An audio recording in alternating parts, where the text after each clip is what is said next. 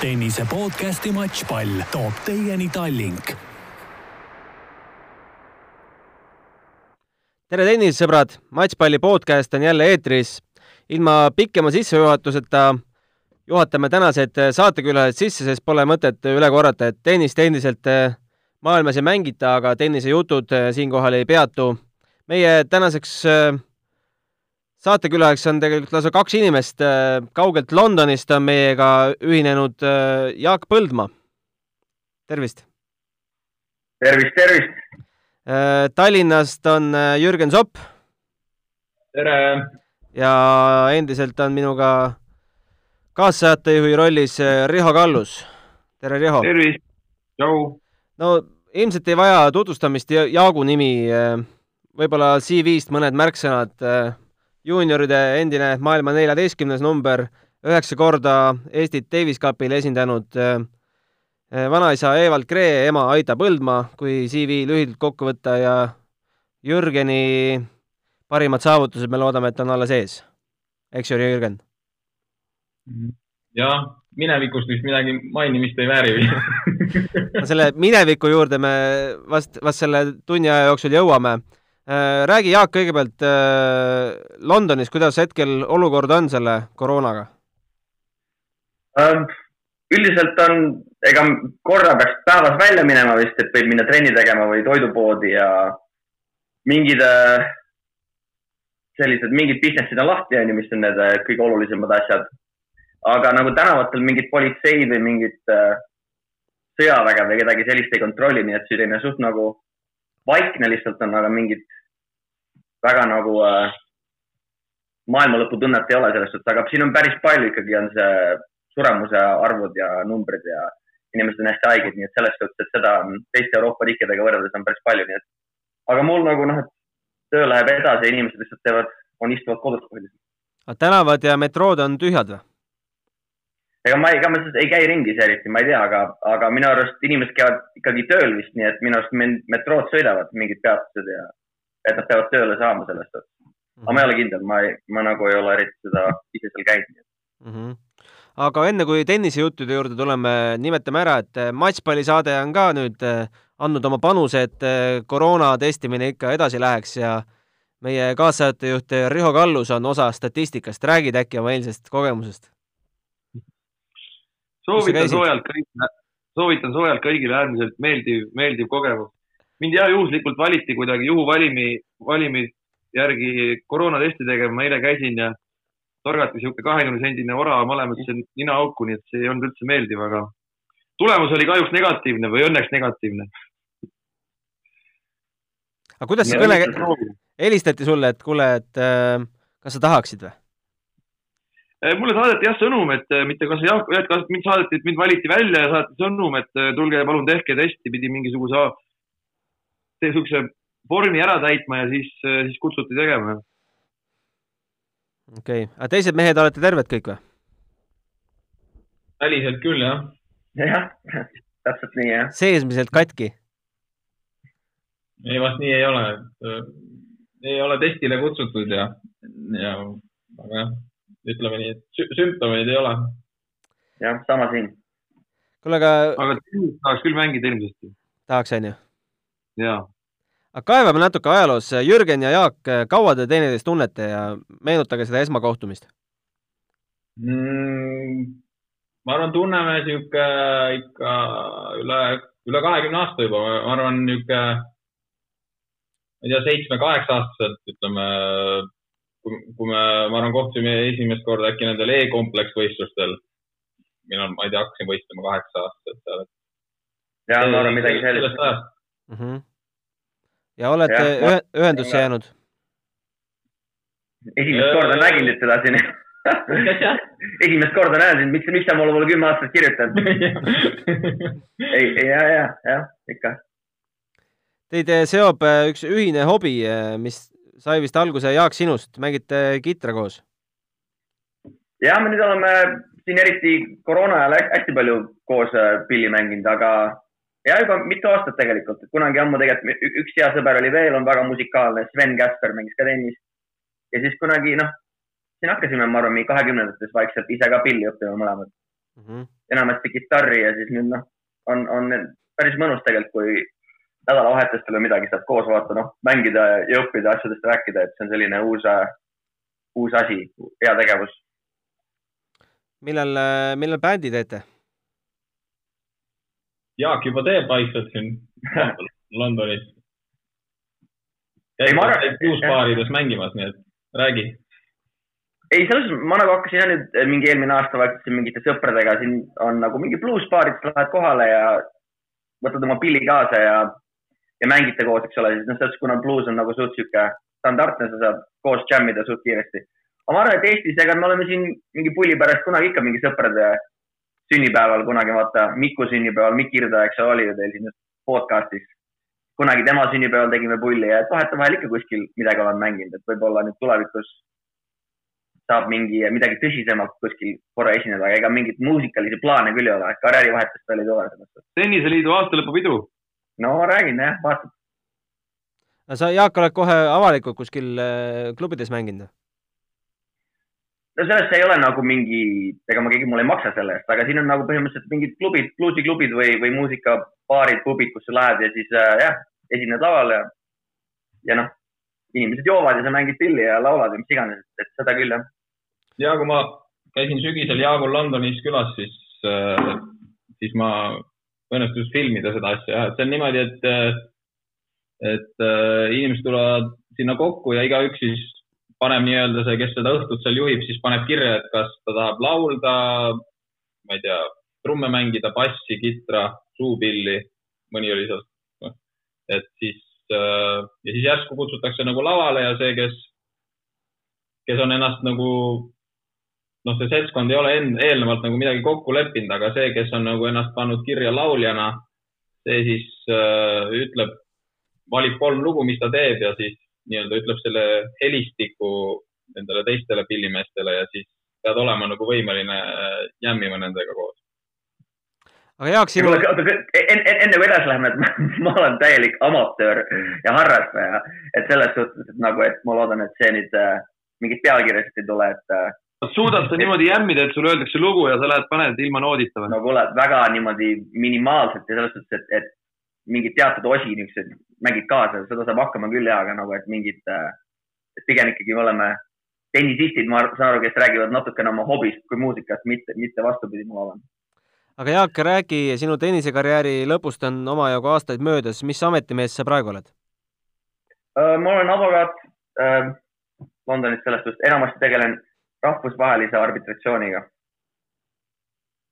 ja kaua sa oled seda teinud uh,? Ma hakkasin, sest ma olen nagu äh, USA-s, ma olen siis New Yorgi ja, ja Londoni või Inglismaa advokaat siis, et ma alustasin kaks tuhat neliteist nagu ühinesin oma firmaga äh, New Yorgis ja siis ma töötan, meil on office'id üle maailma, siis ma töötan nüüd Londoni office'is, ma olen olnud kuskil, seda ongi mingi viis aastat oma firmas mm. -hmm. jah, kuskil sealmaal oma karjääriga. aga too mingi näide, milliseid juhtumeid sa pead äh, lahendama um,? eks see sõltub selles suhtes, et praegu enamus mu tööst on olnud nagu rahvusvaheline arbitratsioon. et selles suhtes, et kui on mingid rahvusvahelised firmad, kellel on näiteks mingi koostööprojekt ja siis tülide lahendamise asemel, et minna mingi kindla maa riigikohtusse, nii-öelda lahendatakse see probleem siis äh, mingi nii-öelda neutraalse arbitra-, neutraalsete arbitraatorite ees selles suhtes. ja tavaliselt see on mingi kont-, lepingupõhised asjad ja siis selle tulemusena on mingi noh, rahasumma või mingi selline asi, mida saad hiljem kuskilt siis äh, kohtusse anda, et sisse nõuda. et äh, ja siis tihti ongi, no eks siin on, kas on mingid energia, õli, äh, tehnoloogia, mingid suured lepingud, et pigem mingi suurte firmade vahelised lihtsalt lepingupõhised tülid. reisid sa ka oma töö tõttu palju uh,? vahetevahel ikka, aga, aga õnneks ei pea palju reisima, ma ei ole mingi suur reisimise fänn pärast tennise mängimist nii et ei ole õnneks mingi väga palju reisimist mm. -hmm aga need äh, kohtuistungid toimuvad siis Londonis või? Äh, tihti on, see istung võib lõpuks tegelikult toimuda ükskõik kus kohas selles suhtes, et tihti, aga noh, mingi London, New York, Genf on tihti nagu need põhilised siuksed äh, Pariis, kus need istingud, istungid nii-öelda peetakse, aga nad ei ole nii pikad ka, et istung võib-olla üksi on mõned päevad lõpus, nädal, midagi sellist. millal sa viimati reketi kätte võtsid um,? hea küsimus, ma ei mäletagi praegu, oota, ma mõtlen. ma mängisin vist siin äh, Londonis, mängisin tennist. Kristjan Piilmaniga äkki või, või Markus Popsiga siin, miks meil teised need vanad tennisesõbrad, võib-olla mingi paar kuud tagasi. või rohkem ikka või mis iganes, ma ei tea, kaua see, kaua me oleme olnud siin karantiinis. no igatahes see aasta olen mänginud vist. sa midagi tennisekarjäärist igatsed ka taga? Äh, ma arvan, sõpradega võistlusel olemist, see on alati pullis asi selles suhtes, et, et seda ikka igatseb jah. trenni tegemist? Äh, võistlemist igatsen, ma arvan, selles suhtes tegelikult, kui see mäng pihta hakkab, siis on ju, on päris lahe, aga äh, otseselt trenni tegemist ei igatse. no te olete Jürgeniga peaaegu samaealised, sa vist oled aasta vanem. oled sa heietanud viimastel aastatel mõtteid, et kui ole, sama vanad või? et, et oled sa Jah. heietanud mõtteid, et äh, kui oleks jätkanud, mis siis oleks saanud? Äh, kusjuures ei ole üldse. ma ei ole heietanud jah, ja ei ole kunagi niimoodi, mingeid kahetsusi selles suhtes ei ole. aga muidugi ma tean, kui hea ma oleks olnud. ei, aga ei, ma ei ole niimoodi küll, ma ei ole eriti mõelnud või no sul oli ju, Jaak, sul oli ju see randmevigastus, sa olid, kui vana sa olid, kaheksateist või?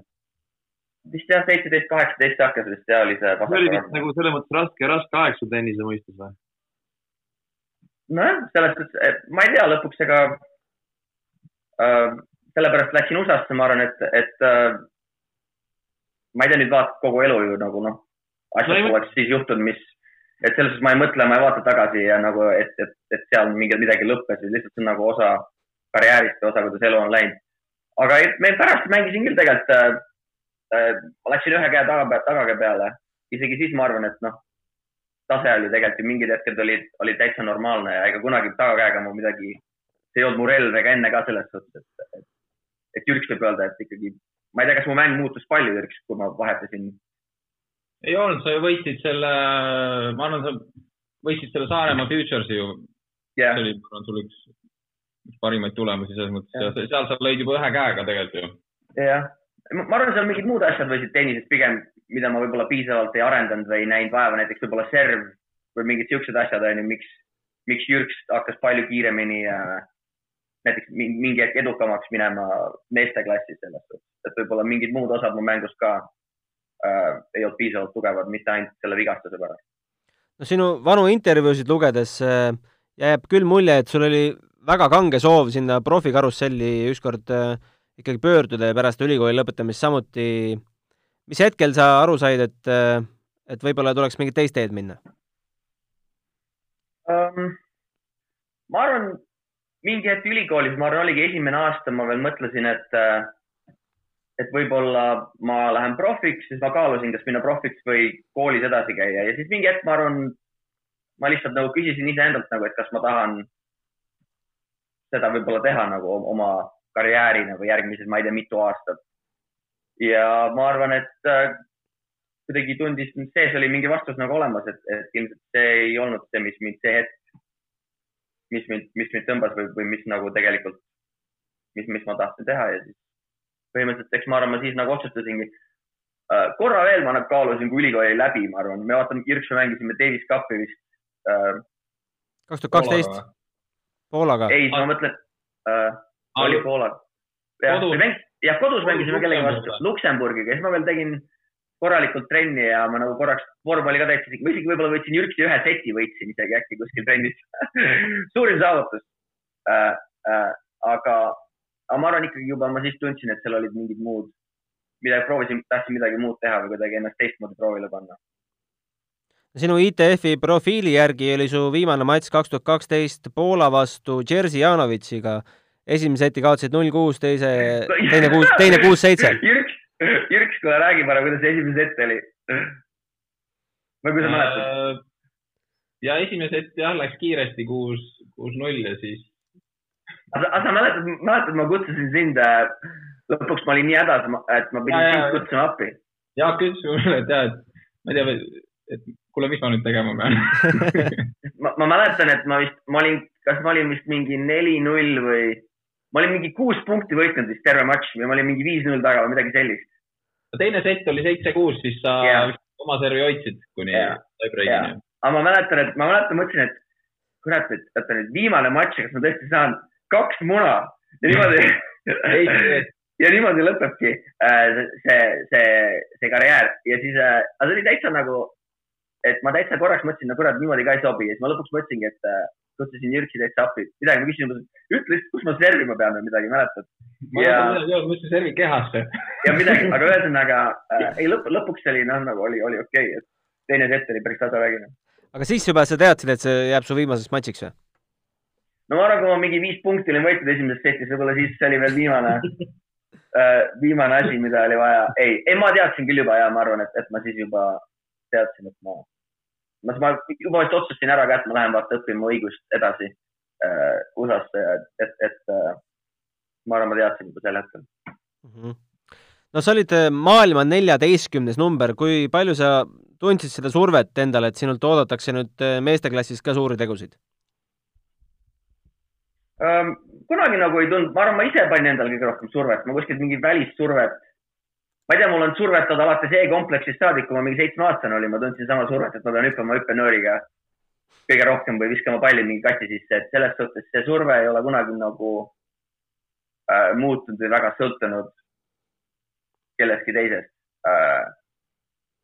ma ei, ma ei mäleta küll, et see oleks olnud mingi eraldi samamoodi ma mäletan, ega iga matš või nagu iga, iga mingi ranking kogu aeg oli oluline, et ma nagu ei mõelnud niimoodi, et mis võib-olla ei olnud ka kõige tervislikum lähenemine, aga, aga ma ei mäleta, et see oleks mingi teistmoodi kuidagi mõelnud selle peale. aga need äh, intervjuu küsimused, noh, igas intervjuus küsiti, et no, et äh, juba paar aastat sa pole siin läbimurret teinud ja millal see ikka tuleb, need kuidagi ei ajanud sind närvi või absoluutselt ei mäleta seda ah.? sa ise pole oma vanu intervjuusid sirvinud ilmselt ei, ei ole küll jah mm. -hmm. uh,. ma, ma ei, ma, ma mäletan nii palju, et mul oli mingisugune oma nagu mingi lähenemine intervjuudele, ma alati mõtlesin, et sa pead, et parem, parem ütled need nagu, et ma võidan kõik ära ja olen maailma number üks, kui ma lähen ütlen, et ma lähen, oh, ma lähen annan endast parima. et mis vahet seal on lõpuks, mis tulemus on, aga ma nagu, ma arvan, ma arvan, ma alati vist andsin siukseid vastuseid, see oli mingi hetk, ma võtsin mingi siukse otsuse vastu, aga, aga nii et võib-olla, ma ei tea ma mäletan, Donatas Narmont oli su lemmik pressikonverents. ja, ja, ja, ja ma ei tea, kus see, ükskord meil korraldati pressikonverents Eesti meistrivõistlustel äh, enne poolfinaali mängu mingi viisteist minutit. siis äh, ah, ma mäletan, ma mäletan, kui ükskord võttis mikrofoni meil me- eh, finaali ajal. mängu kahe seti vahelt tuli väljakule ja ütles, et ma tahaks teatada teile, et mäng on viiest parem või midagi sellist. ja, et Jaak on nüüd küll kaks seti võitnud, aga Jürgenil ei ole plaane alla anda. selle ma mäletan, see oli jah, see oli vist seal äh, uues hallis või seal uutel kuule, aga väljakul. räägi Jaak, räägi Jaak seda lugu ka, kui sa pressikonverentsil hiljaks jäid, mis sa ütlesid Donatusele? ma ei, ma ei mäleta, ma ei mäleta. Tapile oli siuke lugu, et ma olen, ma olen seda lugu kuulnud, võib-olla Jürgen mäletab seda või teab seda. ei tasu, ei tasu mingi negatiivsest ka minna, ei tasu, muidugi lihtsalt toredad mälestused sinust, jah, teravatest väljaütlemistest. mis Jaa. ma veel äh, vanu artikleid sirvides leidsin, et äh, ei mäleta, kes see treener oli, aga võrreldi siis äh, juunior Soppi ja juunior Põldmaad ja öeldi, et Põldmaa oli nagu usinam treenija, mis see, mis see väide peaks tähendama? kes see oli? kes see oli? ma ei mäleta, kes see oli. Ma võin selle üles otsida, aga mul läheks aega. võtke talt üks, üks, üks, üks, üks äh, pulk alla sellest treeneri kuradi kvalifikatsioonisüsteemist, üks äh, kommentaari eest. ei olnud nii või? kusjuures see tundub, see tundub kusjuures minu jaoks on alati nagu tundunud, et või tähendab, minu jaoks on alati Jürgen üks kõige töökam tennisist, keda ma tean. tundub nagu päris huvitav väide. jah, aitäh. no tõsiselt, siiralt, Jürgen, noh. Ma arvan, äkki, ma ei tea, äkki see, see väljaütlemine äkki jäi sinna, kui me olime, ma ei tea, kolmteist, neliteist, viisteist, et võib-olla siis, võib-olla jäi Jaa. sinna, aga ma jah. sel ajal sa olid siis lohh, jah? jah, et minu, minu arust selles suhtes ma, kui me nagu olime noorteklass mingi kuusteist, seitseteist, kaheksateist, minu arust me olime mõlemad väga nagu, võtsime väga tõsiselt seda asja. ja ma tean, mina küll võtsin ja noh, äh, treenimise mõttes või püssi mõttes ma olin nagu, ma olin, ma olin ikka hästi heas vormis, et ma ei tea, mis mis pärast võib-olla ülikoolis või noh, siis on teised lood, muidugi Jürks oli täiesti teine noh, teine tase ja, ja teine lähenemine ja professionaalsem, aga ma arvan, kui me olime Audentese ajal ja enne, ma arvan, et ma ei tea, siin ei ole siin nagu raske. ma olin minu arust mõlemad, ma küll ei mäleta, et kumbki meist oleks asja mitte tõsiselt võtnud selles suhtes.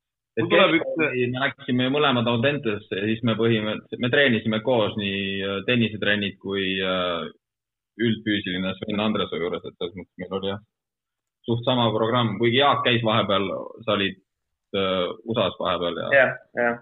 pikemad tuurid, aga. tuleb üks vana, vana lugu meelde seoses Jaaguga, kui Jaak Saaremaa turniiri võitis. mäletan, et, et seal olid sihuke noh, terve, terve punt Eesti mängijaid seal, niisugune kvalifikatsioonipoisse ka, kes ikkagi päeva läbi otsisid, kellega nad soojaks löövad ja kellega nad mängivad ja mäletan väga hästi, kuidas Jaagul oli niimoodi, et Jaak ütles, et noh, mul on ükskõik, kellega ma soojaks löön, noh, Peeter tuleb, lööb minuga või noh, tule löö sina või sihuke kuidagi niisugune hästi chill oli ja siis, kui siis äh, need teised poisid olid ikka ammu lahkunud, aga siis Jaak võitis selle turniiri ära ja siis esmaspäeval oli ITF-i lehel oli nädala tõus ja ATP edetabelis vist viissada mingi, ma ei mäleta, mitu kohta sa tõusid edetabelis, sa olid kuskil tuhat kolmsada, ma ei tea mida ja siis olid nädala tõus ja ATP tabelis. no okei okay. ja, ja, ja suur tänu Petsile.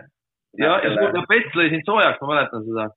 mitu korda Petsiga soojaks läinud, muidugi Pets, jah. ja, ja Pets lööb siiamaani, kui vaja, et mina temaga Tallinnas teen endiselt trenni, nii et väga äge. tervitame Petsi. tervitame Petsi. Jaak, sa ütlesid äh, kunagi sellise lause, et äh, sa läksid USA-sse sellepärast, et sa ei näinud Eestis äh, nii-öelda tennisekarjäärina varianti jätkamiseks, et see süsteem nagu ei toetanud seda. kas sa nüüd näed, et see süsteem on Eestis olemas? ma esiteks, kui ma seda ütlesin, siis ma, ma ei nõustu oma väitega, mis ma võtsin öelda, ma ei tea, mingi viisteist aastat tagasi, sest ma arvan, näitajad on olemas, et siin on Jürks ja Kaia ja Nett, et, et selle ja, ja seda ju finantstoetus on olnud selles suhtes ju suurepärane teistega võrreldes, kes on tennisesse tulnud, nii et ja väljakud ja asjad ja treenerid, nii et ma ei usu, et see, ma siis, ma siis parandan oma varasemat väidet. aga kas sul seda Äh. finantstoetust ei olnud või? äh,. ei, mul oli, mind kõik, kõik toetasid väga hästi, vanemad toetasid, tenniseliit toetas, teised sponsorid äh,, ega sellepärast äh, midagi tegemata ei jätnud. ma läksin ülikooli sellepärast, et mul oli ikkagi see vigastus põhimõtteliselt. ja ma tahtsin, et mul oleks võimalus siis noh, õppida või midagi muud teha ja otsustada pärast, kas ma tahan mängida või ei taha mm, -hmm. mitte, mitte mingi muu asja pärast. Mm -hmm. Jürksi ka sa ei kutsunud USA-sse? mina ei kutsunud vist, aga ma tean, teised küll kutsusid vist ei no noorteklassi lõpus hakkas neid mingeid email'e tulema kuskilt, noh, eks need nii-öelda need skaudid ju vaata, vaatavad, kes on juuniorites viimast aastat, et mingid. muidugi Jürks oleks, muidugi iga, iga kool oleks Jürksile täis tippi jäänud ja teda mängima kutsunud. aga meie see, see keskkooli lõpetamine, just see nagu profiks minemise, minemise algus nagu ajastuse mõttes väga vedas, sest siis liidu presidendiks tuli Urmas Sõõrumaa ja siis nagu järsku tuli tennisse väga palju raha juurde ja meil kohe tekkis see nii-öelda see LRT tiim ja meid saadeti Tšehhi. Et oleks võib-olla, et kohe oli selline pakett olemas, et väga nagu mul oli nagu väga lihtne otsustada, et jah, ma hakkan nagu mängima, et võib-olla oleks see keskkooli lõpetamine olnud, ütleme kaks aastat varem, siis võib-olla oleks pidanud hakkama kuidagi proovima Eestis hakkama saada, aga, siis nagu oli hästi lihtne keskkool läbi, siis kohe öeldi, et, et sügisest on Tšehhi minek, et ja siis noh, ei olnud seal väga, mul küll nagu midagi kaalumist ei olnud. Ma arvan, et sa peadki ütlema, et kõiki sponsoreid, kõiki treenereid, kõiki vanemaid, kõiki sõpru peab kiiresti tänama, sest pärast niikuinii, et kuskilt keegi jääb mainimata ja et, et selles suhtes, et ma olen ka väga tänulik kõigi, kõigile, et lõpuks niimoodi sai tennisele nii palju pühenduda, nii palju aega seda teha. see on ju jubedalt, maksab ikka väga palju ja, ja et äh, võtab aega, et, et kuule, aga kui sa jah mainisid, et, et täname kõiki treenereid, äkki te nimetate korra ära kõik need treenerid, kes teil treenerid olnud on? no väga hea, ma võin, ma võin, ma võin alustada. Oma ema, Aita Põldmaa, Kree äh,, siis äh, Ain Suurt on muidugi hästi pikalt mul treener olnud äh,, isegi ähm, noh, siis muidugi siis äh, Pets, Peeter Lamp oli hästi, väga palju aitas mind just siin, kui ma noorteklassi lõpus, meesteklassis. kunagi oli äh, USA-s üks sihuke äh,, muidugi Harri Nepi oli Audenteses, kui me olime, aitas mind ka ähm,. kes seal veel siis olid? Nüüd vahepeal oli mul üks USA üks teine oli Wolf, Wolf von Lindenau ähm,. temaga sai pulli ka. Life lesson eid nii-öelda ja, ja siis USA-s oli ülikoolis, oli treener oli Peter Smith oli, oli USA ülikoolis nüüd treener ja ma ei teagi, kes seal, ma arvan. Jürgen oli ka vahepeal ju. jah, mida, kes veel? Jürgen oli ka vahepeal, ma sain aru. jah, no täpselt, juba, juba tänased. jah, jah. Mis ma need arvan, lai- et, üks, kas keegi jäi mul, kas keegi jäi vahele, kas on kedagi veel? ma ei ah, tea, jah, mida sul, ITF tiimis, ma ei tea, kas sa neid loed, kes sul olid need, ah need ei, need ei kuule, need on eesti keelest aru, need ei loe. okei okay., vahepeal sa hüpp- hüppasid põnevast kohast üle, et mis need life lesson'id olid siis? ei, ei lihtsalt see, mingi sihuke inimene, kes oli ka võib-olla mentor, vaata, kui sa oled mingi kaheksateist ja see ei olnud midagi, ei ole, ei ole mingit head lugu, sorry. Mhm. Äh. Aga no kui sa, Jürgen, ütle sa, treenerid. jah, Äh, esimene treener oli Nõmmel Olev Pass, siis edasi läksin Kadriorus, Ain Suurtal, Toomas Leius, Rene Busch, Tiit Kivistik, siis läksime Audentesesse, siis oli Harri Nepi, Ain Suurtal, Peeter Lamp, siis oli Tšehh, Peeter Kovatška, siis peale seda oli Pasi Virdanen, peale Pasi mm, no, Märten Tamla on olnud, Hispaanias Alberto Lopez, siis tuli Kim Tiilikainen. Ja Veger Teskimägi oli nii-öelda sõbra ja treeneri eest mul äh, eelmine aasta pool aastat abis ja selle, sellest hetkest, kui ainuke nii-öelda püsiv inimene, kes on, on kogu aeg on olnud Peeter Lamp, et sellest hetkest, kui ta tuli kaks tuhat seitse tuli Eestisse, siis noh, ta on mul nii-öelda abi, abimeheks jäänud siiamaani, et, et noh, mul e- enda treenerit pole kõrval olnud, Eestis on alati mind aidanud. ja praegusel hetkel, no praegusel hetkel ma olin äh, märtsi alguses või ei, ja millalgi seal läksin äh,, läksin Rootsi to Great akadeemiasse, et seal mul hetkel päris isiklikku treenerit ei olnud, aga ma nagu treenisin seal ja siis, kui see laevaliiklus hakkas vaikselt katkema, siis ma tulin koju ära, et praegult äh,, praegult ei ole siin treenerit, jah. aga sul potentsiaalselt võib see nagu sealt Rootsist tekkida või? nojah, kõigepealt ootame, et see jama nagu läbi saaks ja siis, kui sinna tagasi lähen, eks siis seal, ütleme seal kohapeal nii-öelda juhatas mu tegemisi Mikael Tilström, aga temast kindlasti nagu minuga reisijat ei saa, et võib-olla siis keegi teine sealt, aga see jah, see ei ole veel paigas. Jaak, ma siit küsiks edasi, kui sa oma karjäärile vahel tagasi mõtled, siis äh, mis need nagu helgemad ajad on, kas need juuniori ajad- kus sa jõudsid Austraalian Openi veerandfinaali või maailma neljateistkümnendaks või siis äh, midagi hilisemast ajast, täiskasvanult? Ma arvan, kõige helgemad ajad on ikka, kus on nagu sõpradega on nagu pulli saanud kuskil et kõige helgemad ajad on kuskil, ma arvan, alati on hästi äh, lõbusad ja oli lihtsalt või tore nagu sihuke, noh, oli meeskonna mingi näiteks mingi paar Davis Cupi reisi, ma mäletan, kui me kunagi Taanis käisime, oli äh, võib-olla kõige helgemad mälestused. Jürk-Šat, sa olid ka Taanis või? olid, olime onju? jah, jah. mis seal toimus siis et? ma arvan, et ja või siis need Davis Cupi reisid või kuskil mingid muud siuksed, need on, ma arvan, kõige helgemad, mis jäävad kõige kauem meelde. aga niimoodi otseselt nagu äh, spordi mõttes äh, ma arvan, et ma arvan, et võib-olla Jürksiga ka tegelikult võib-olla need Estikate finaalid, kui me mängisime, ma ainult sellepärast mõtlen, et ma võitsin neid, eks ole. võite kirja panna äh,. aga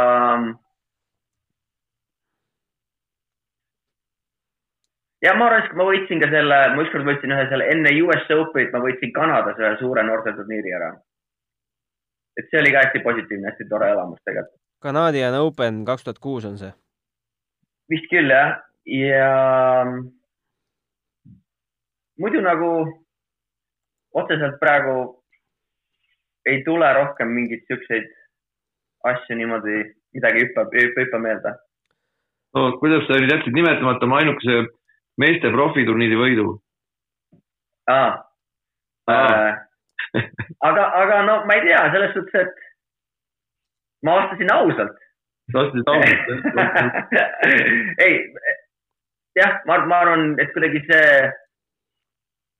eks ma, eks ma arvan, ma ei näinud seda, kui enne küsisid, et mis ma arvan, kui kõrgele ma oleks võinud tõusta või mängida, ma arvan, eks ma oleks võinud, noh, paremaid saavutusi ka saada, kui ma oleks rohkem mänginud võib-olla onju. Mhm. Aga et selles suhtes ma ei, ma ei näinud seda, see ei olnud minu jaoks nii suur saavutus võib-olla, kui, kui ma nägin mingeid muid võite või mingeid matše ähm, sel hetkel nagu oma, oma vaatenurgast nii-öelda. Mhm.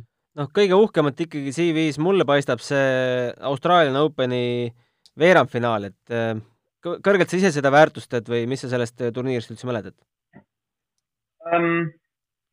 ükskord ma mäletan, kus ma olin, me mängisime Jürksiga paaris mängus esimene või teine ring. vaata, ma olin mingi rabaku võrgu pealt põhja või ma mingi ülitoore topeltpea tegin, ma olin sulle umbes mingi palliga pähe, matšpalle ja ma mäletan, et mingi täielik kang oli. paari esimene ring oli jah, oli onju, ma lõin mingi võrgu põhja teise servi vist või? topeltviga oli vist jah. jah, no ikka niimoodi võrgu põhja ähm,. seda ma mäletan ähm,. aga muidu ähm,. jah, eks ma mäletan mingeid mänge sealt, aga, aga ta ei olnud. jah, sorry, kehv vastus, mul on kehv mälu võib-olla, ma ei tea. ja erinevalt Mikk Hirdojast, kes on siin USA NSC, NCAA teise divisjoni võitja, oled sina lausa kolmekordne esimese divisjoni võitja. kui toredad hetked need olid? ähm,. jah, ainuke jama on sellega, et tihti kõige tähtsama mängu finaalis, no tihti ma ei lõpetanud, aga ma ei, näiteks oma üksikmängu ma tihti kaotasin selles finaalmatšis näiteks.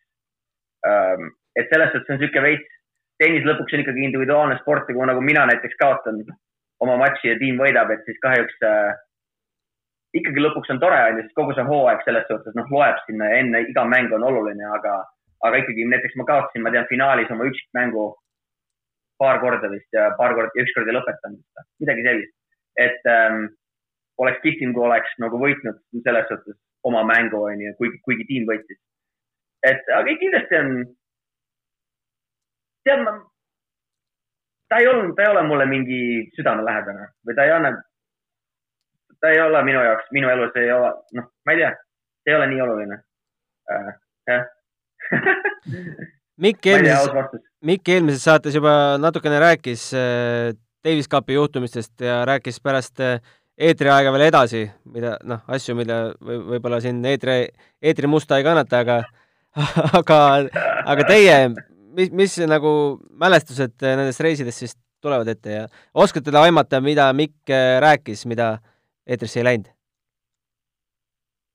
mäletad seda ralli kiiruskatset Ta Taanis? seal anti, seal anti meile meeskonna peale, anti autot kasutada, aga see ei olnud, see oli nagu Kopenhaagenist väljas, see oli kuskil. ja, ja siis, siis me tegime üksteisele õppesõite ja siis meil oli kunagi oli jah, mingi linnas oli mingi kiiruskatse ka selle autoga, aga noh, see oli rohkem. ei, ei, ei selles suhtes et kiiruskatse on nagu naljaga, et pigem me lihtsalt nagu tegime mingit, mingi umbes naljavideosid või me lihtsalt mängisime, noh, nagu lihtsalt oli, oli lõbus, noh, tegime nalja ja, ja enamasti ongi, ma arvan, Davis Cup oli vaata pull, et sa, sa ei, tõesti minu arust oli tihti hea nagu tiimi, tiimi vibe oli vaata selles suhtes, et ei olnud igaüks, ei võistelnud enda eest ja, ja tõesti nagu lihtsalt noh, sa oled terve päeva koos ja tööte koos, teete trenni koos ja hängite ja et ma arvan, ja seal lihtsalt saab nalja, noh, sest näiteks, mida ma arvan, paljud ei tea, Jürks on üks kõige naljakamaid inimesi, keda ma tunnen, onju.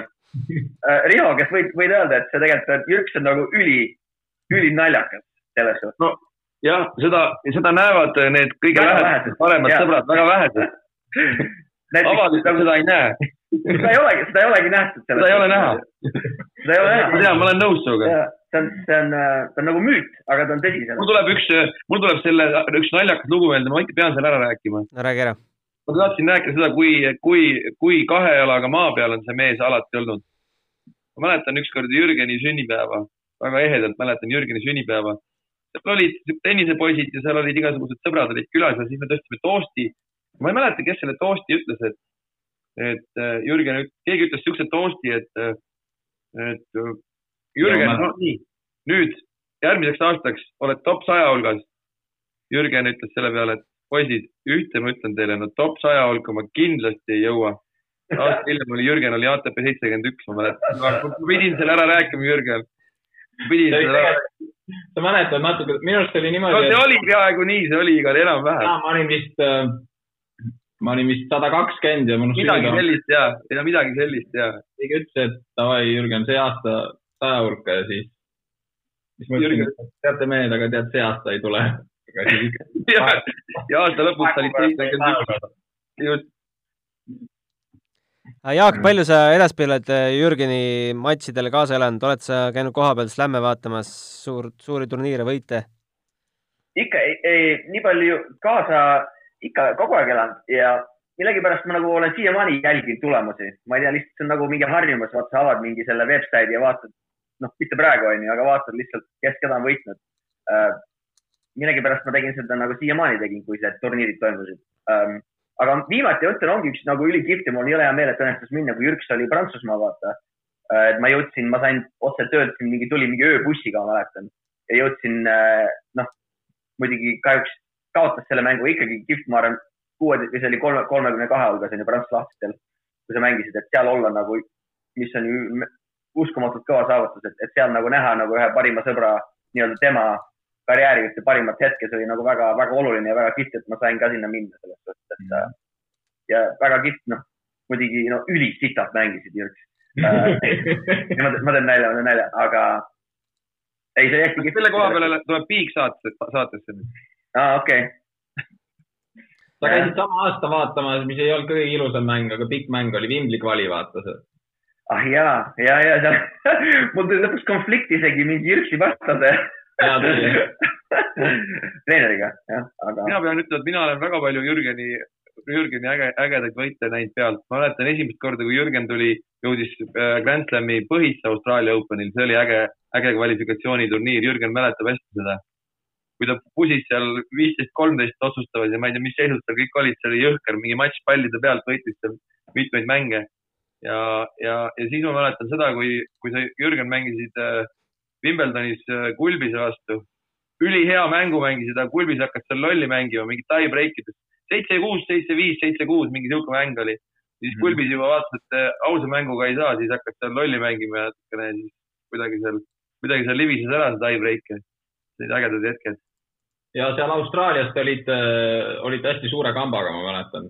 ja, ja me olime suur abi sul, saab ise ka pärast tunnistada, et see oli raske. ja, ja, ja oli kindlasti aga Jaak, äh, Wimbledoni käid tihti vaatamas? Äh, eks ma ikka proovin, et kui mul on äh, sõbrad või siin vanad, vaata, mul on palju ülikooli tiimikaaslasi, kes mängivad praegu ka veel. et on Steve Johnson oli mul üks nende korterinaabritest ja toanaabritest. on ju, Robert Fara oli mu tiimikaaslane, et ma olen kõikide nendega ühenduses, meil just nendega oli üks, üks Zoom paar, paar nädalat tagasi, nädal tagasi ka. et kõik tegelikult on ju noh on ka kõvad-kõvad mängumehed nagu Jürkski, et, et äh, kui nad on Londonis, siis tavaliselt ma proovin minna vaatama, saad mulle mingi pileti pärast, räägime ennast juttu, et, et kui mingi sõber, keegi mängib, siis ma ikka proovin minna, jah mm. -hmm no Jürgeni matši sa loodetavasti jõuad veel minna ja loodetavasti ka Wimbledonile kunagi vaatama minna. Jürgen, räägi, sa võtsid nüüd pausi nüüd, äh, millal sa läksid pausile, pärast äh, eelmise aasta suve või sügisel või? põhimõtteliselt oktoobrist mm. -hmm ja plaanisid tagasi tulla märtsis, aga, aga siis juhtus. aprilli alguses, tegelikult kuues aprill oli plaan mängima hakata võistlusi mm. -hmm. sügeleb sul väga juba sees, et tahaks nagu mängida, et sa plaan, plaanisid tegelikult, et su paus lõpeb ära, aga olude sunnil see paus ikkagi jätkub? ja nüüd ikka, nüüd ikka kibelen küll juba jah, et tahaks ikkagi normaalse elu juurde tagasi ja võistelda ja mängida ja treenida normaalselt ja seal Rootsis hakkas mulle ka meeldima, et mul on nagu huvi veel nagu proovida, proovida seal rohkem olla ja, ja vaadata, kuidas see nagu mu mängule mõjub, et aga jah, praegult on ikkagi niisugune teadmatuses elamine. on sul nagu aimu ka, milline su mängutase praegu, praegult nagu on, et sa oled seal sparri Rootsis kellegagi teinud, et äh, annab see sulle mingi pildi ette või ikkagi tegelikult on teadmatus? Noh, trenn, ütleme, sa pigem tunnetad, kuidas sa oled nagu füüsiliselt, et ka, kuidas sa liigud ja, aga lõpuks on, mängus on ikkagi see, kuidas sa mängid tähtsaid punkte pigem, et, et äh, trenni põhjal, seal pigem praegult oli sihuke lihtsalt nii palju punkte ei mänginudki, oligi sihuke pigem äh, põhja ladumine ja trennid olid siuksed hästi füüsilised, väljakupealsed trennid ka, nii et et selle, selle, ei, ma ei oska küll öelda, et selles mõttes võistlustel saab selle suhteliselt ruttu teada, et aga niimoodi öelda küll ei oska. enne kui see koroona pihta hakkas, sa olid äh, kuskil ennast üles kandnud või? ja olin küll, ma olin andnud ennast üles kuhugi Futuresitel olin ja ma ei tea, kas Egiptusesse või jah, vist küll. ja lennupiletid olid ka juba olemas või? ei olnud, ei olnud, ei olnud, sest see, ma ei mäleta, millal ma Rootsist ära tulin, kas see oli mingi äkki kümme või kaksteist märts ja siis või mul ikkagi oli turniirini veel kaks nädalat nagu aega, et see ülesandmine ei olnud ka veel läbi olnud isegi, aga lihtsalt plaan oli küll jah mm. -hmm. kuidas sa praegu treenid äh,? tennisetrenne olen teinud ilusa ilmaga oma koduväljakul ja üldfüüsilist olen teinud kas siis iseseisvalt või siis äh, äh, mul üks põhitreenereid, kes mul on kümme aastat olnud, on püssitreener Ilori, et ja temaga teen Eestis olles siiamaani. et siis üldfüüsilist olen teinud temaga, noh või, või võimaluste piires jah no ma olen kuulnud, et äh, tenniseliit äh, pingutab ikka selle nimel, et saada üks baas vähemalt avatud meie Eesti koondislaste jaoks. palju sa selle plaaniga kursis oled? no selles mõttes välisväljakud on juba lahti. nojah, äh, väljas on külm. On külm jah, aga, aga ütleme praegult ma enda puhul, noh, just noorematel on võib-olla natuke teistpidi, aga enda puhul ma pigem, ma näen, et põhiline on hoida ennast füüsiliselt korras ja ja mängin kaks-kolm korda nädalas mängin tennist, et see on mul praegu okei okay,, et. ja siis, kui, kui mingi hetk äh, ma olen midagi kuulnud, et maikuu jooksul pidi tulema juulikuu osas see otsus. et siis, kui mingi hetk ütleme, õnnestub, noh, ikkagi annavad lootust näiteks, mis mina arvan ikkagi on praegu vähetõenäoline, pigem läheb see asi ikkagi sügise poole, aga aga siis ehk äkki mingi hetk õnnestub sinna Rootsi tagasi minna, kui, kui saab jälle, kui laevad liikuma hakkavad või lennukid, et. et praegult ma jah, ma ei, ma ei kibele kuus korda nädalas platsile praegu küll mm. -hmm. no tennisemaailmas kõige kõvem uudis on see, et Djokovic ja teised äh, ässad tulid siin välja plaaniga, et äh, aitame natuke neid äh, tagumisi mehi ka ja mingi finantspakett pannakse kokku, kogutakse raha. palju sa sellest tead ja palju sellest rahast on juba sinuni jõudnud? ma, ma tean vähe ja minu. näita seda rahapakki võta see rahapakk sealt laua alt välja Jokovic saatis sulle kitarri või see oleks isegi parem, aga, aga. ma mõtlesin, et annavad kulda. jah, aga tegelikult ma ei tea, ütleme, ma olen kuulnud, mul on mõni ajakirjanik veel helistanud, et mis ma sellest arvan. lihtsalt ATP-st on tulnud lihtsalt email'e, et mingi paketi kallal tehakse tööd mis mängijad sinna kvalifitseeruvad täpselt ja kui suur see on, ma ei tea, et selles mõttes ma ei, pigem. palju sul ikkagi kontol täpselt raha on, Jürgen? et äh,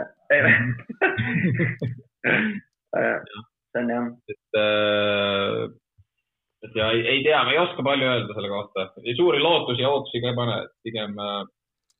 aga noh, ütleme kindlasti see. aga see mõte, et VTA toetaks naised, mehi. jah, see pigem niipidi jah. naised võiks ükskord mehi ka aidata no.. siis see oleks, oleks nii, see oleks äh, suuremeelne VTA poolt. No Dominic Tiim no. ütles, et tema oma rahakoti raudu ei ava, sest see tagumiste kamp on selline laiskloomade kamp, et äh, mi-, mi-, kuidas sa suhtud tiimi avaldusse? mis sa, vaatad äh, rankingus enda ümber ringi, palju sa näed seal tõsiseid, põhis-, paljud on sellised, kes on lõpetame, lõpetamisjärgus ja lihtsalt on vajunud sinna tahapoole? ma tegelikult mõnes mõttes olen temaga nõus, et ega, ega, ega seal ütleme vahemikus sihuke, ma ei tea, kolm-nelisada kuni tuhat, seal on, seal ei ole kõik mäng, mängijad nagu, nagu sada protsenti noh, professionaalsed ja ütleme, seal on neid täpselt selliseid mängijaid, kellest ta rääkis, et ma, ma tegelikult olen temaga päris suures osas nõus, noh, aga see ongi kuidas sa neil praegu nagu vahet teed. selles mõttes see tennises, seal on ikkagi, seal on ikkagi põhjus, miks mõni mängija on kakssada ja mõni mängija on kaheksasada ja see noh, tennis ei ole, ei ole ikkagi ainult niisugune talendipõhine mäng, et seal ikkagi see professionaalsus ja töötahe ja kõik see määrab nagu väga palju, nii et äh, ta ütleme väljaütlemises on noh, ütleme päris palju tõtt, ma arvan. Jürgen, kuule, aga kuidas sa seda kommenteeriks, vaata väga paljud tippmängijad on öelnud seda, et kui sul ranking ära kukub ja sa, sa satud Challenger tuurile, et siis Challenger tuurilt tagasi tõusta ATP-sse on, on nagu üliraske. Et see tase on tegelikult Challengeril nagu väga tugev ja kõva, et äh, kuidas sina, sul on ju ka mitu korda oled pendeldanud seal vahele. ja on, ega see ei ole, ütleme, Challengeri põhi või ATP või Grand Slami kvali, ega seal ja, ja igal Challengeril, eriti suurematel, on ka esimesed kaheksa paigutust on saja piirimailise ranking, et see, see ja seda on ka nagu, seda on nagu kuidagi raske nagu näppu peale panna, aga on, on mängijad öelnud, et ka Challengeride tase on kindlasti nagu tõusnud ka, ütleme viimaste aastatega, noh, kuidas täpselt sa sellega võrdled minevikuga, seda on nagu raske, aga ega ja et ega see ei, see ei ole jah, sealt, et kõik, kõik, kes sealt ütleme kuue-seitsmekümne pealt nüüd alla korra kukuvad, et need tulevad ludinal läbi sealt Challengeridest. ega pigem, pigem need, kes on, ütleme, mängivad Challengeridel stabiilselt poolfinaalis, finaalis, need on ka suhteliselt edukad väiksematel ATP turniiridel, et see, see, nagu öö, öö ja päev, päev ei ole seal pigem jah. loomulikult, mida tase edasi, seda suurem nagu erinevus, aga, aga seal kas võita Challenger või, või olla näiteks kahesaja viiekümnesel ATP-l teises ringis või veerandis, ma arvan, on niisugune suhteliselt noh, sama tasemega mäng, see, see tasem, ütleme, kui sa oled võitnud Challengeri, siis sa oled võimeline ka, ma usun, võitma mõne ringi ATP tabeli põhis mm. -hmm no siin ETV spordiuudised hiljuti tegid, tegid Kaia Kanepiga intervjuu, seal tuli juttu, et kaua veel Kaia edasi mõtleb mängida ja mis ta võiks peale karjääri teha millised äh, sinu mõtted, Jürgen, selles osas on, et kaua sul veel seda püssirohtu jagub?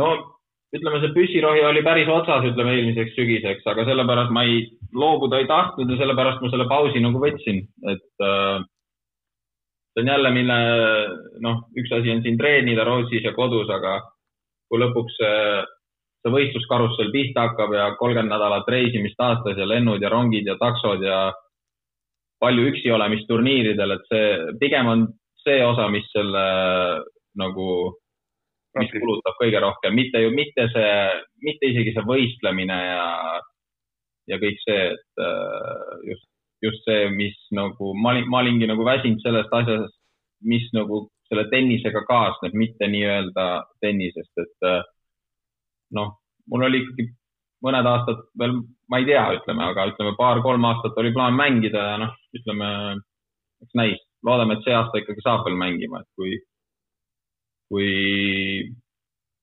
kui nüüd hakkab sügisest pihta, eks siis, eks siis ole näha, mis, mis tunded väljaku peal ja võistlemisel ja reisimisel tekivad. no sa oled mänginud väga erinevate tasemega turniire, noh, põhimõtteliselt kõik need astmed läbi käinud esimesest viimaseni, et oled sa mõelnud, et enne karjääri lõppu, mida sa saa-, tahaksid veel saavutada või kus kohas ära käia, enne kui nagu süda rahule jääb mm,?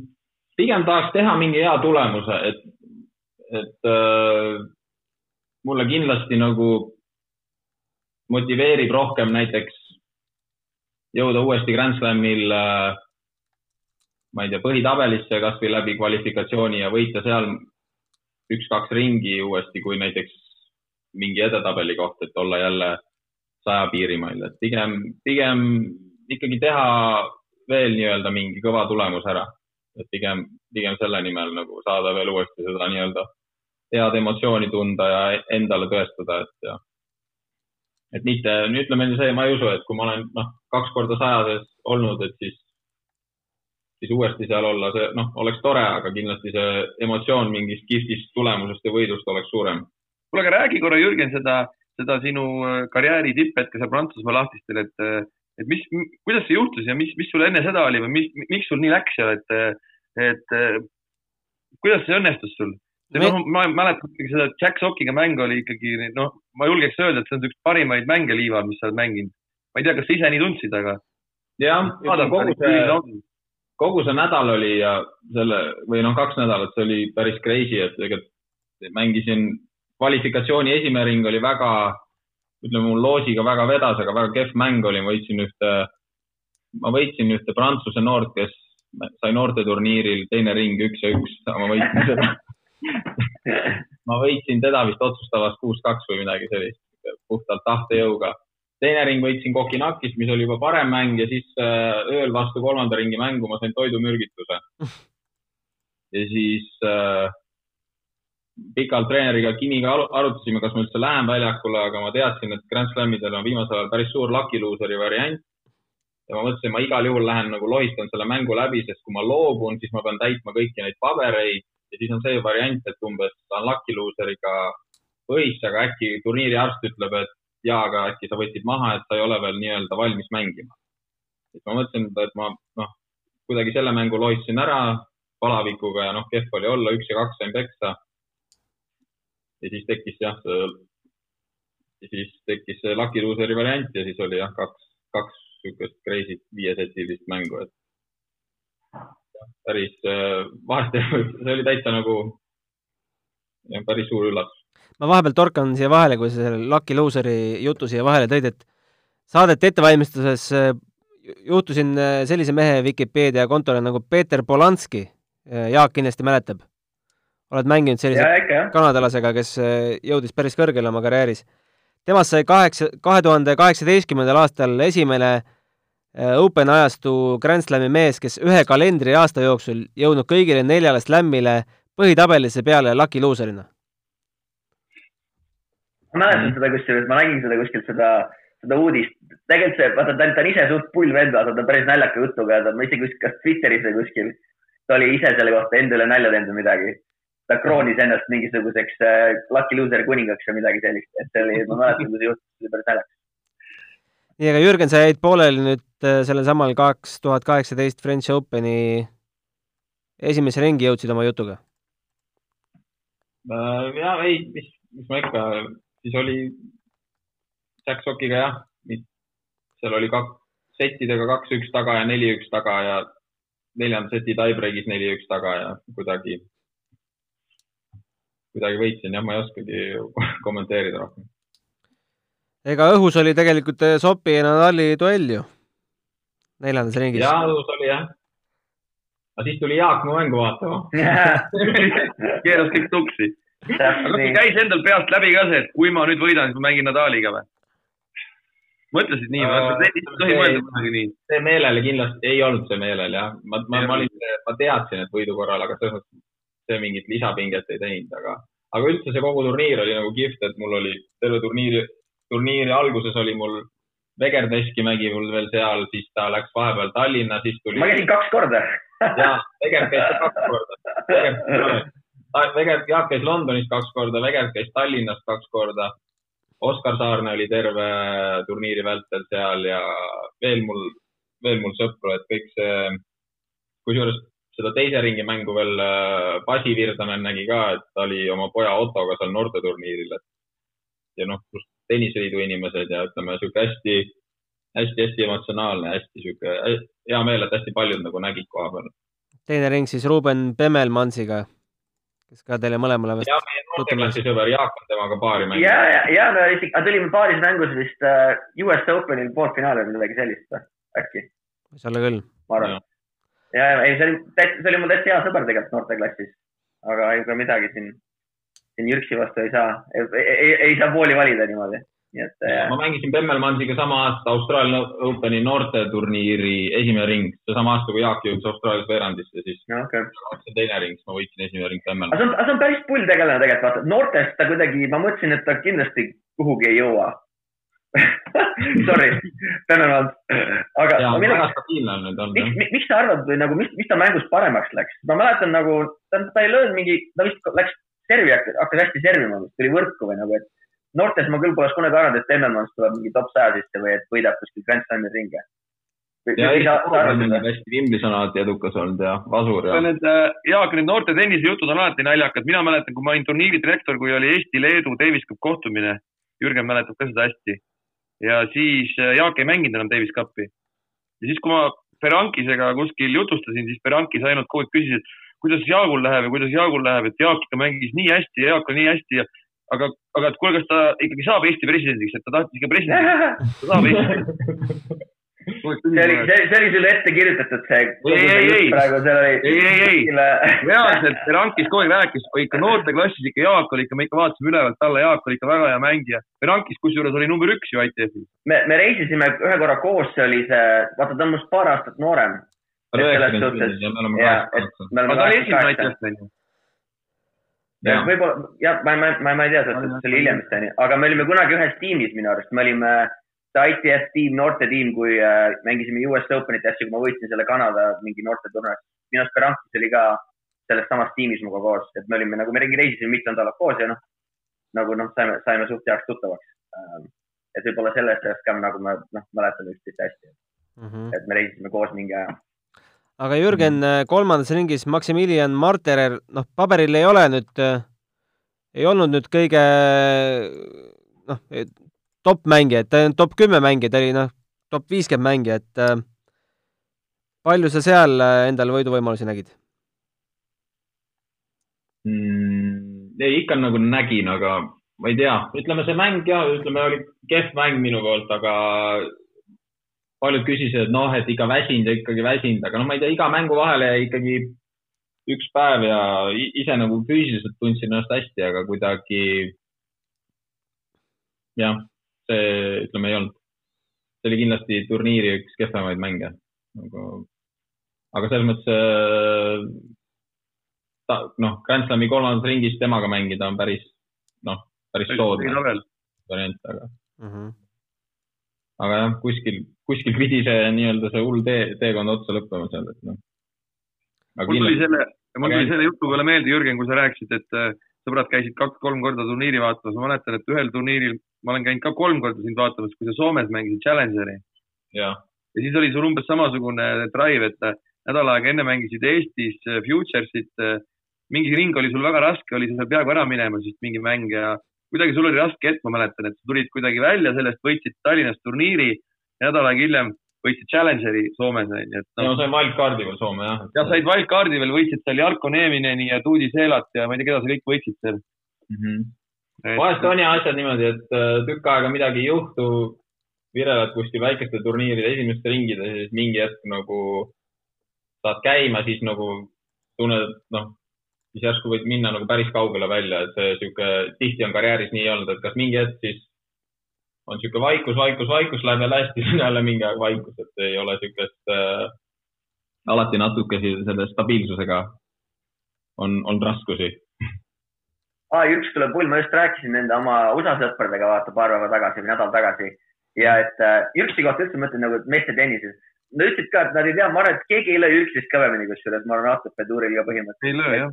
ma rääkisin isegi mingi, vaata mingi Steve Johnson vaata ka ja kuidagi lihtsalt, kuidas see asja läheb ja, mm. -hmm. ja kõik olid ka nagu, et, et ta ikka lööb nagu nii kõvasti palli. et ma mäletan pull, et, et äh, ma ei tea, millal see tuli, aga, aga isegi, et ma võin öelda ise ka, et Jürksi kohta isegi noh, eriti liiva peal on ka tihti näha, vaata, võib-olla see ei ole kõige, lõpuks sellega ei võida, mõistlikum et aga nagu, et see on, see on täitsa crazy lõpuks, et kuidas nagu, kui hästi nagu pall lendab selles suhtes. Jürksile just mul tuli uuesti meelde, ma mäletan, kui ma käisin vaatamas, nüüd ka need sõbrad ka ütlesid, et kurat, et keegi nagu lihtsalt nagu toorelt mõlemalt poolt, igalt poolt, et nii kõvasti nagu eriti ei ole kedagi, kes lööks. millegiga saab kompliment sulle, Jürks. kuule, aga Jürgen, ütle, miks sa, ütle, miks sa Davis Cupil alati maailma tippvendi võidad kogu aeg? Eestis ainult. ainult Eestis või? et see on siis kodupublik või? ma ei tea jah, kuidagi, kuidagi istub seal, Teres oleme mänginud ja seal viimast korda on tõesti, sa oled nagu seal top viiskümmend vennad ei ole mingi probleem, noh. Teres. jah, on nad top viis. see on Rocca al Mares seal pimedas. ja see seal on ka. edu võti, seal lihtsalt on nii pime. ei no mitu näidet võib tuua sellest Davis Cupilt ju. ja, ja Teres ja Tuneesia vastu ja ja Albosi vastu ja. no just, et sa oled seal ikka väga ja, ja, ja no selles mõttes, et äh, no ega ei tea siin, meil on siin Šveitsiga mäng tulemas, võib-olla poisid tulevad välja suure, suure näljaga tulevad välja äkki. ja sügisel on Šveitsiga mäng. Ah soo, vau, okei. oled sa juba No Rodgeri videoid hakanud vaatama? ega ei tea, kodumäng äkki mängib kaasa seal keegi. ega midagi, Kalevist puu peale, Kalevist puu peale, ainuke variant uuesti. ei, me mängime No. Šveitsis jah. Šveitsis, Zürichis on mäng. no nõuame, et puu peal oleks.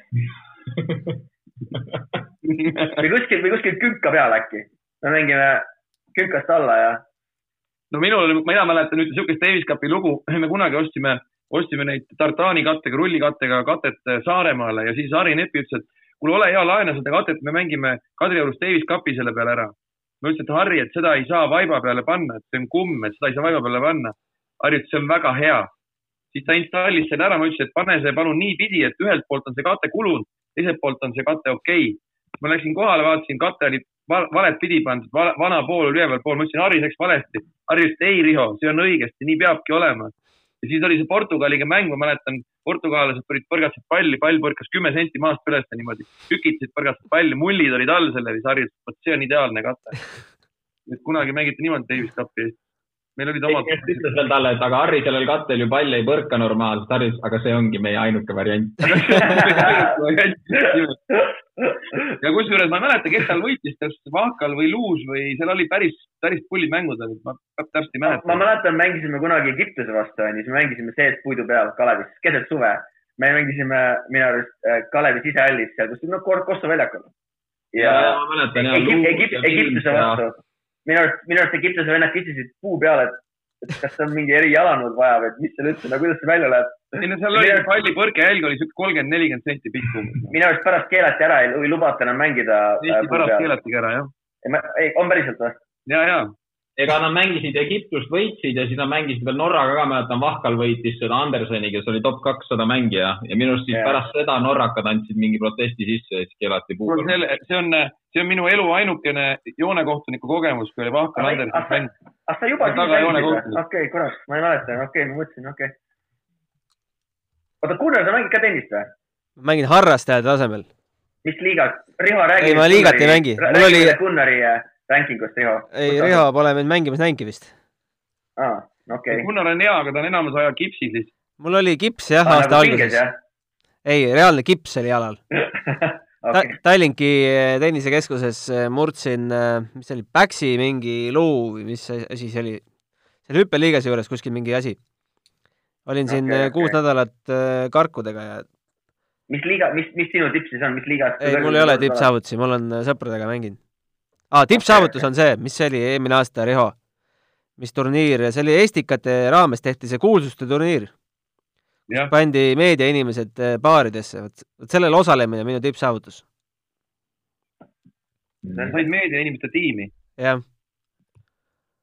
aga lähme vaikselt meie saate viimase ploki juurde ja räägime natuke asjadest, mis eh, päriselt ka inimesi huvitab, räägime muusikast ja kitarrimängust. enne ma lasen siia ühe helilõigu äh, Jürgen Sopi Instagramist eh, hiljuti postitasid ühe vahva Zoomi collaboration'i või kuidas seda nimetatakse. see võib-olla teile sinna arvutitesse ei jõua, aga, aga kuulajatele küll ja korraks, korraks mängin siit ühe lõigu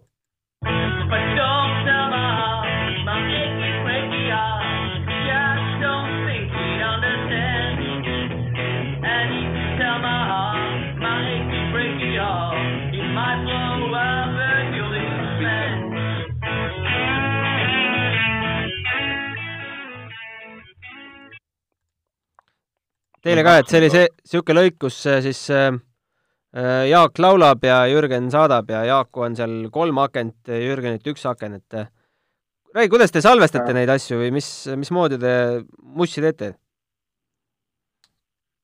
no see oli, kuskil täitsa ma avastasin mingi äh, päris palju muusikuid, keda ma muidu jälgin nagu või mingi lemmikkitarristid, nad hakkasid kuidagi otsima, et kuidas siis koos nagu džämmida lihtsalt vaata, et hästi üks äpi nimi on lihtsalt mingi a capella äpp hästi lihtne kasutada, ma ei ole üldse mingi tehnoloogiline inimene. ja ta lihtsalt salvestab läbi iPhone'i. seal on nagu põhimõtteliselt nagu aknad nagu Zoom'is. mängid ühe akna täis, saadad sõbrale, sõber mängib järgmise akna. ta nagu salvestab lihtsalt äh, üksteise peale mm. -hmm.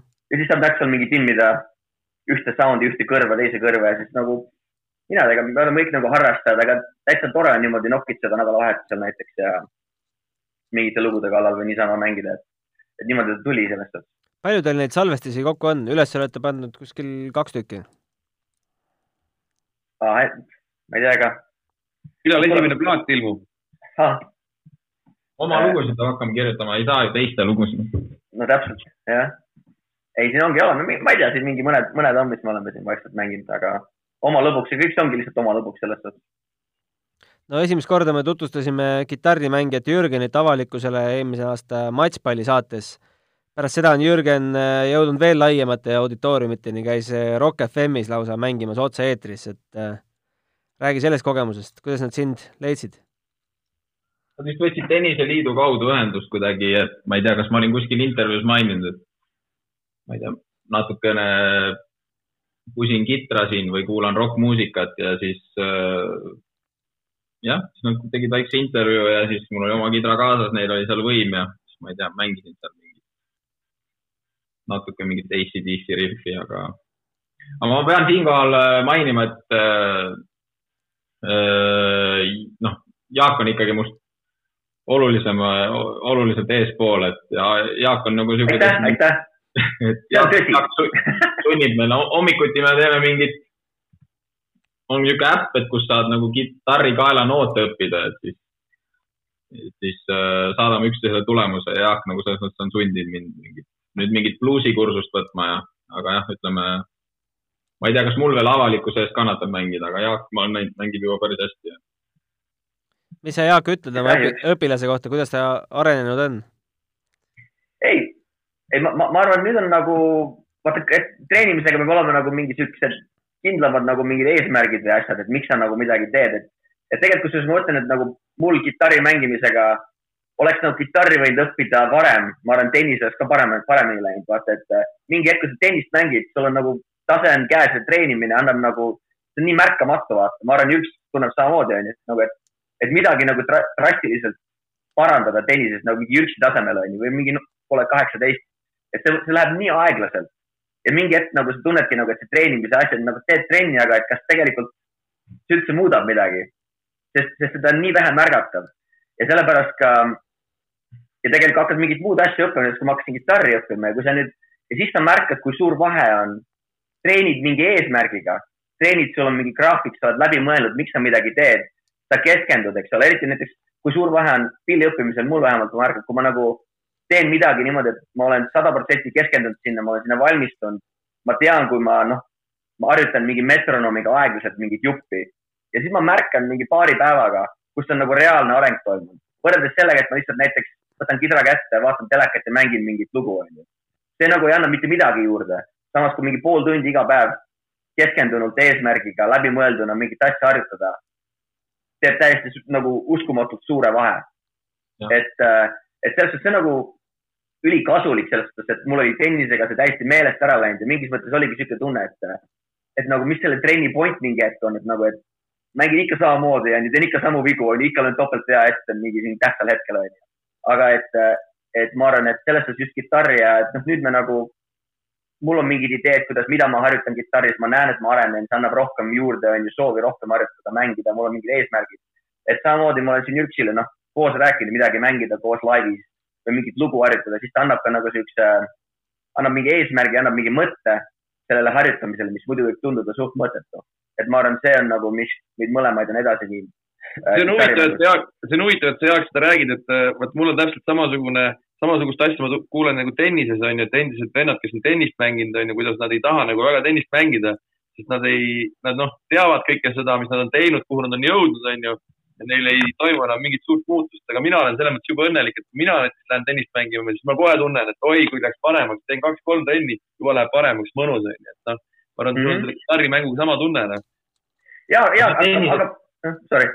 et see, et see tennises on nagu täpselt sama asi, et, et kas sa, sa mingil tasemel võidki käia seal nagu treeningtunnil ja treeningtunnil on ka vahe, et seal on, kas sa käid, käidki niisama nagu platsi peal pikka palli löömas või, või konkreetselt võtad mingi asja ette, üritad nagu areneda ja siis proovid seda kuidagi monitoorida, mis, mis nüüd toimunud on, et nagu ma arvan, seal on nagu samamoodi, et tegelikult Jaaguga käisime see minu esimest kitarri ostmas, ma arvan, üle kümne aasta tagasi seal Stanford Musicus ja siis ta nagu, ma ei tea, ma õppisin mingid lihtsamad akordid, noh, nii-öelda enam-vähem ära, mitte hästi.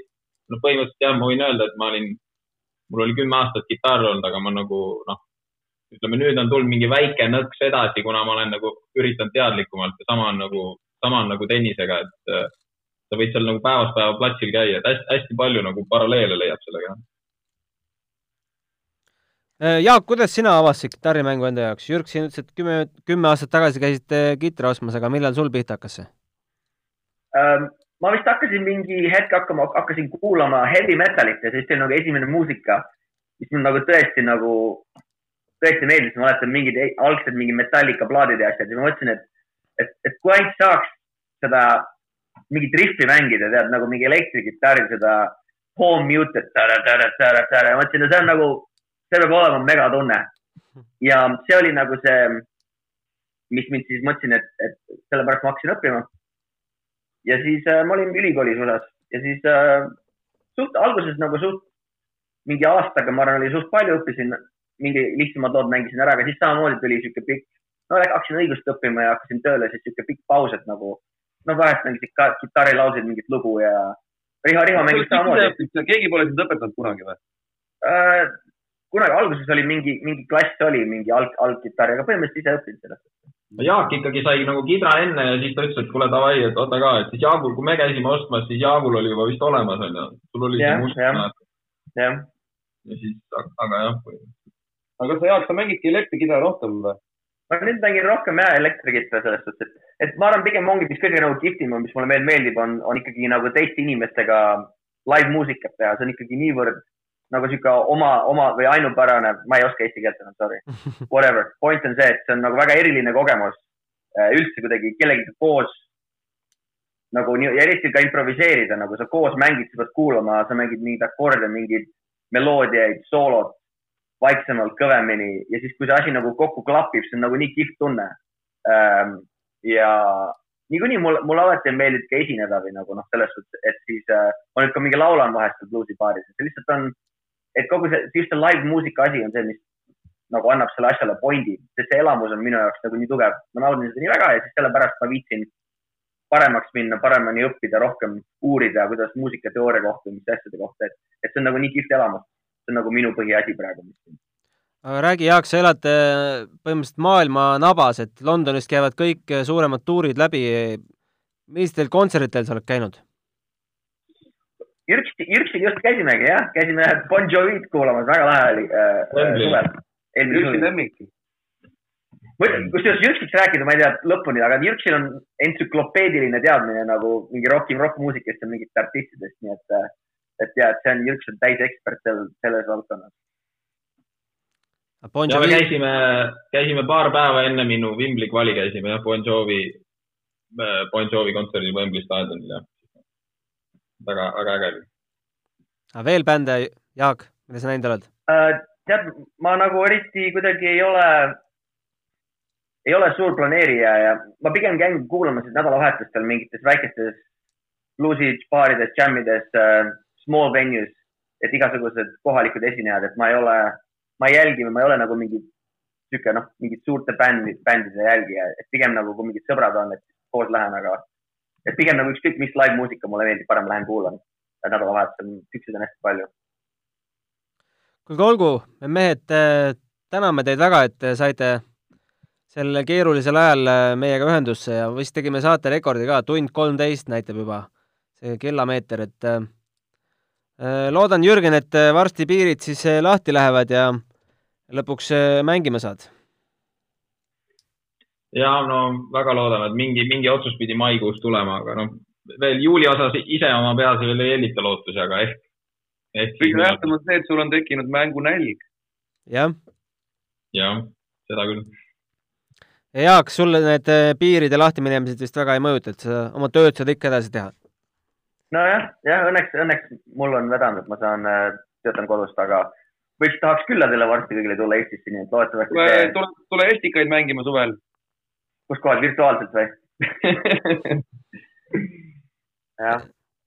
aga thanks, thanks, et äh, kutsusid, jah. aga selge, aitäh äh, kuulajatele ka, et kuulasite ja kellelgi mingeid kommentaare, küsimusi või soovitusi on, siis tennis.delfi.ee on see aadress, kuhu need läkitada. olge terved ja mängige tennist. aitäh! tennise podcasti Matšpall toob teieni Tallink